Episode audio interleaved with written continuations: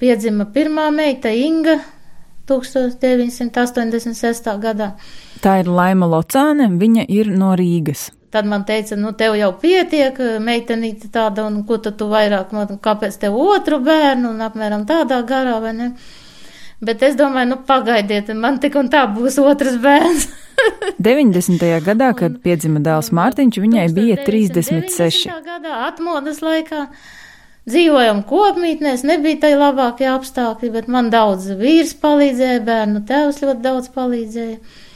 Toreiz tā nešķita. Īstenībā jau jauns cilvēks, viņš dzīvo tajā laikā, kādā viņš dzīvo. 2000. gados kļuva vieglāk. Lielāks dzīvoklis mūsu ģimenē tika piešķirts trīs istabu.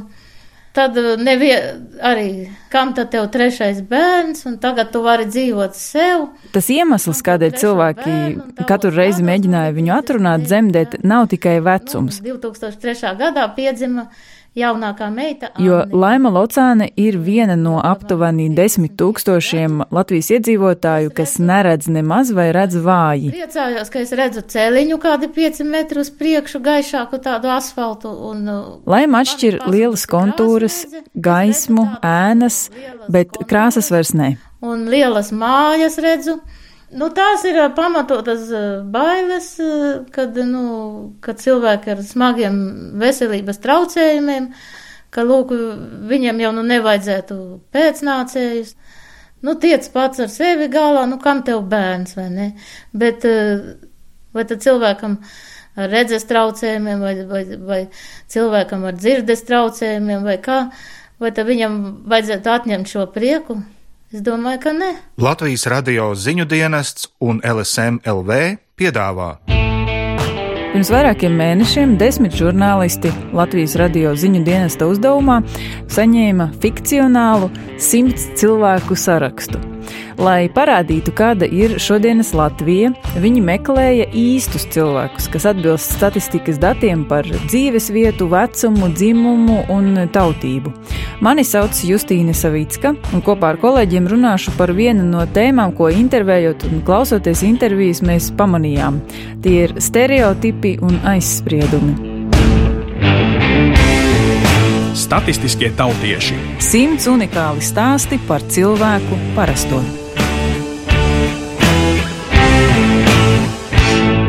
Otrā sērija.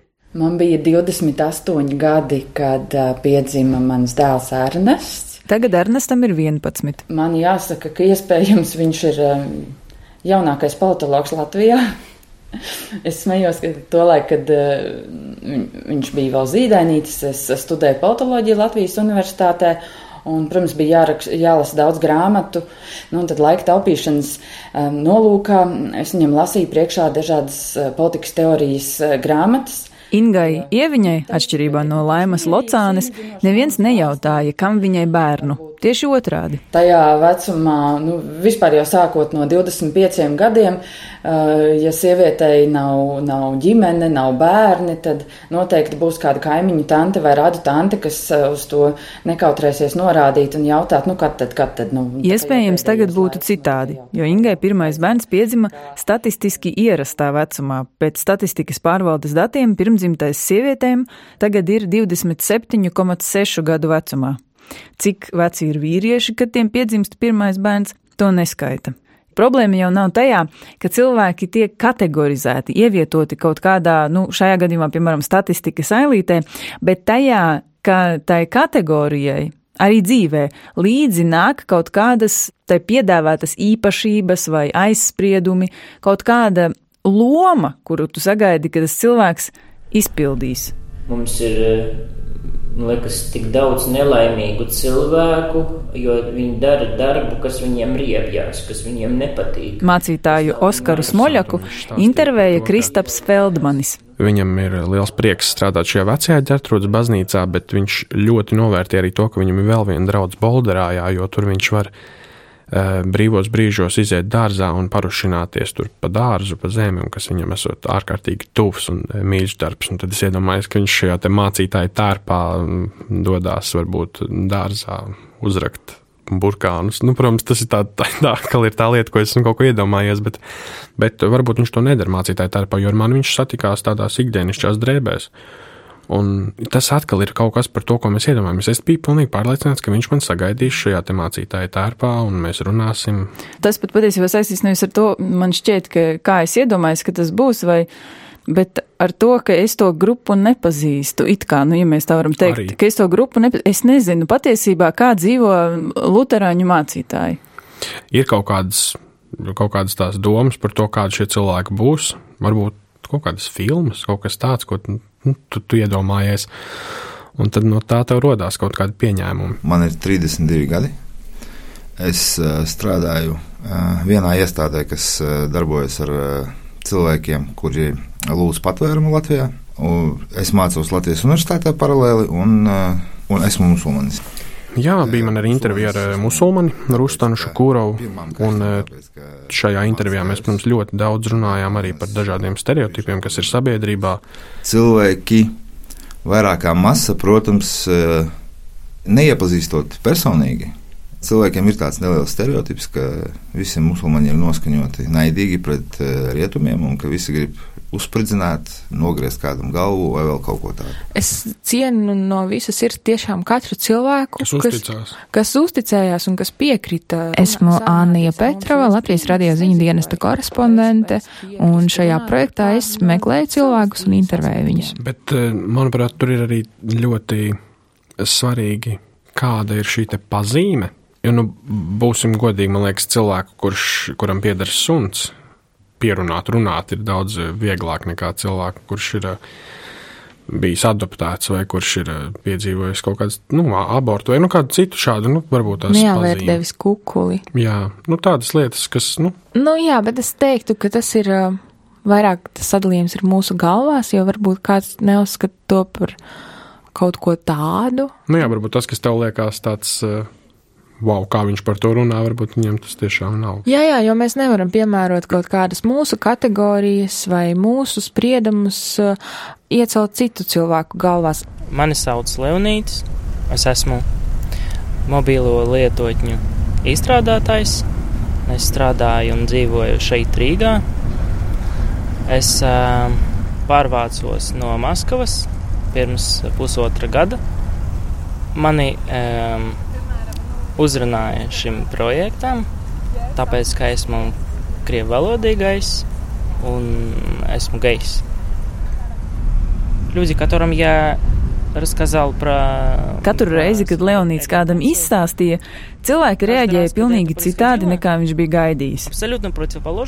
Nebija ne raudāšanas, ne histēriju. Viņš saprata, ka tas nav nekas īpašs. Cilvēki mainās, kļūst izglītotāki un nav iemesla slēpties. Vēl jau vairāk no tuvajiem, kuri tāpat to visdrīzāk jau sen nojauš. Которые, скорее всего, уже давно об этом догадываются. Runājot par stereotipiem, par mūsu veidotāju stereotipiem. Tad skatāmies cauri sarakstam, un tad mēs sākam domāt, vai ka tik nesanāk tā, ka mēs krieviem esam sadevuši visas sliktās pazīmes. Pat ja tā nav, mēs ejam cauri un skatāmies, nu tā kā bail, slikti būs. Tas, protams, ir komiski. Rudīte protams, Spakovska, nu, statistisko tautiešu idejas autore. Skatāmies, vai, vai tiešām tā nav. Bet, nu, tas ir atbildīgi.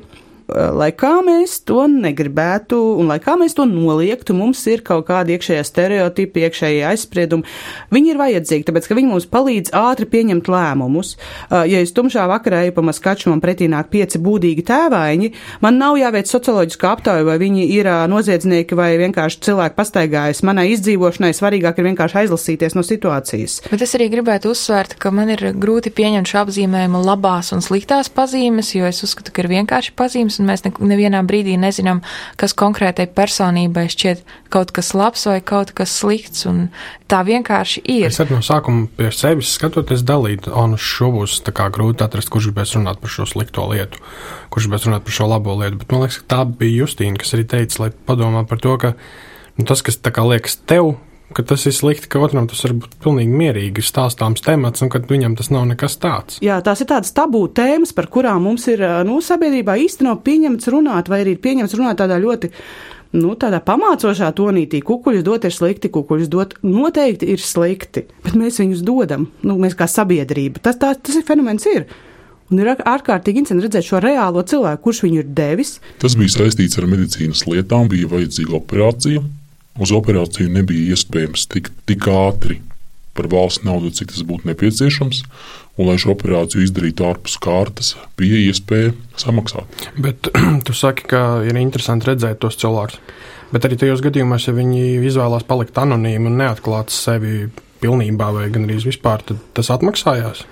Manuprāt, ka šajā gadījumā tas, kas man interesē, ir nevis paskatīties tur vārds uzvārds, tur no uh, pilsēta tāda un šitāda tik un tik. Uh, es nezinu, dzīvo tajā un tajā ielā. Man ir interesanti dzirdēt šo stāstu.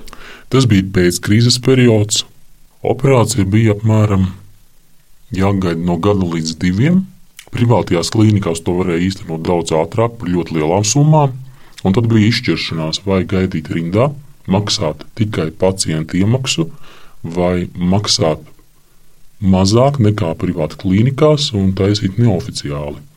Es izvēlējos iespēju taisīt neoficiāli, un uh, tas tika nokārtots. Uh, ārsts pats to piedāvāja ar šo anonimitāti un tiem stāstiem, ko cilvēks negrib stāstīt ar savu vārdu, viņi piešķir vēl vienu, un, ja varētu teikt, tādu datu slāni šiem, šiem, šiem simts tautiešiem, kuras ir tēmas, par kurām mēs nevaram runāt atklāti.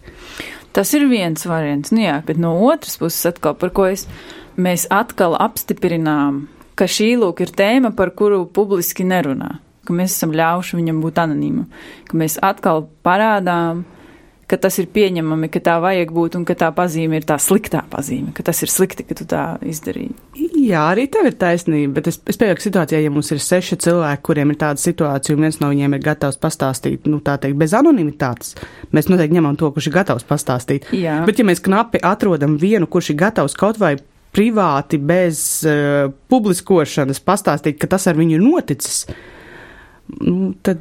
Tas bija Latvijas apmēram 200, 250 latu. Precīzi neatceros. Nauda bija jādod pašam ārstam tajā dienā, kad reģistrējos operācijai. Dīvaina, nērta situācija varbūt bija tāpēc, ka nezināja, kā pats process notiks, kuru naudu ir jānoliek, vai viņam jādod rokās, vai kaut kā citādi. Un tas bija tā, ka es noliku uz galda, viņš paņēma naudu aploksni un ielika starp plānotājiem dokumentiem. Viņš neko neteica tajā brīdī, viņš ielika, bet paskatījās, manus datus, personas datus, un tas bija viss. Naudas summu nosauca viņš pats. Es pieļauju, ka tika noformēts kā pacients, kas ir gaidījis rindā. Ir virkne tēmu, kurām jau viņas rakstot, es sapratu, ka tā ir nu, tāda viens no simts iespēja, ka viņām atradīs cilvēku ar seju, jo viņas ir ļoti, ļoti tādas tabū. Es sveicināti, esmu Raimons Ziediņš, atrodos Valmieras cietumā, izciešu šeit sodu, un man ir 35 gadi izcieš sodu par narkotikām, par narkotiku tirzniecību un izplatīšanu. Nu, kā, jau, kā jau arī ģimenēs, piemēram, lielās ģimenēs vai pat mazās ģimenēs, ir, ka nevar sadalīt vietu, un katram ir sava vieta. Tur, jo te ir tas, ka visu laiku mēs esam kopā viens ar otru. Un, un, un beržoties viens ar otru, nu, vienalga sanāk kaut kādas maznozīmīgas, maznozīmīgas dusmas vienam uz otru, un, un, un, un, un, kuras īpaši tā nevar atklāt, tāpēc ka Tāpēc, dēļ tā var ciest citi. Ja, piemēram, mēs izdarām kaut ko viens otram, tad, tad arī administrācija prok virsū pārējiem, un, un tādā veidā arī jā, jā, jāsavāc savas emocijas vienam pret otru, tādā veidā mēs apslāpējam savas dusmas sevi. Un, un tas diezgan daudz ietekmē arī citus, piemēram, kad viņi tiek brīvībā, ka šīs dusmas sāk tikai nākt ārā. No, jo šeit viss tiek apslāpēts. Man ir uz rokām tetovējumi, kurus es, protams, nožēloju, kurus esmu tetovējis, tādā veidā es arī sev nu, krieviski tas būs ciena brīvība, viņa nav mūžīga. Tas ir atgādinājums sev un skatīties uz citiem. Un tagad pēkšņi tā attaisnās durvis, tu ieraugi, ka nē, par tām lietām arī ir jārunā, ka mēs, ka viss nav gluži bērnu tautu tērpos un kundzīts ar ziediem pie brīvības pieminēti, ka mēs esam ļoti dažādi, ļoti neparasti un, un, un, un īpatnēji un galu galā. Un tas, tas ir jāparāda. Nu, brīnišķīgi. Mani sauc Justīna Savicka. Paldies Rudītei Pakauskai, Kristapam Feldmanim, Annijai Petrovai un Sanitai Liepiņai. Un, protams, visiem statistiskajiem tautiešiem. Visus stāstus izlasīt un noklausīties var tautieši lsm.lv.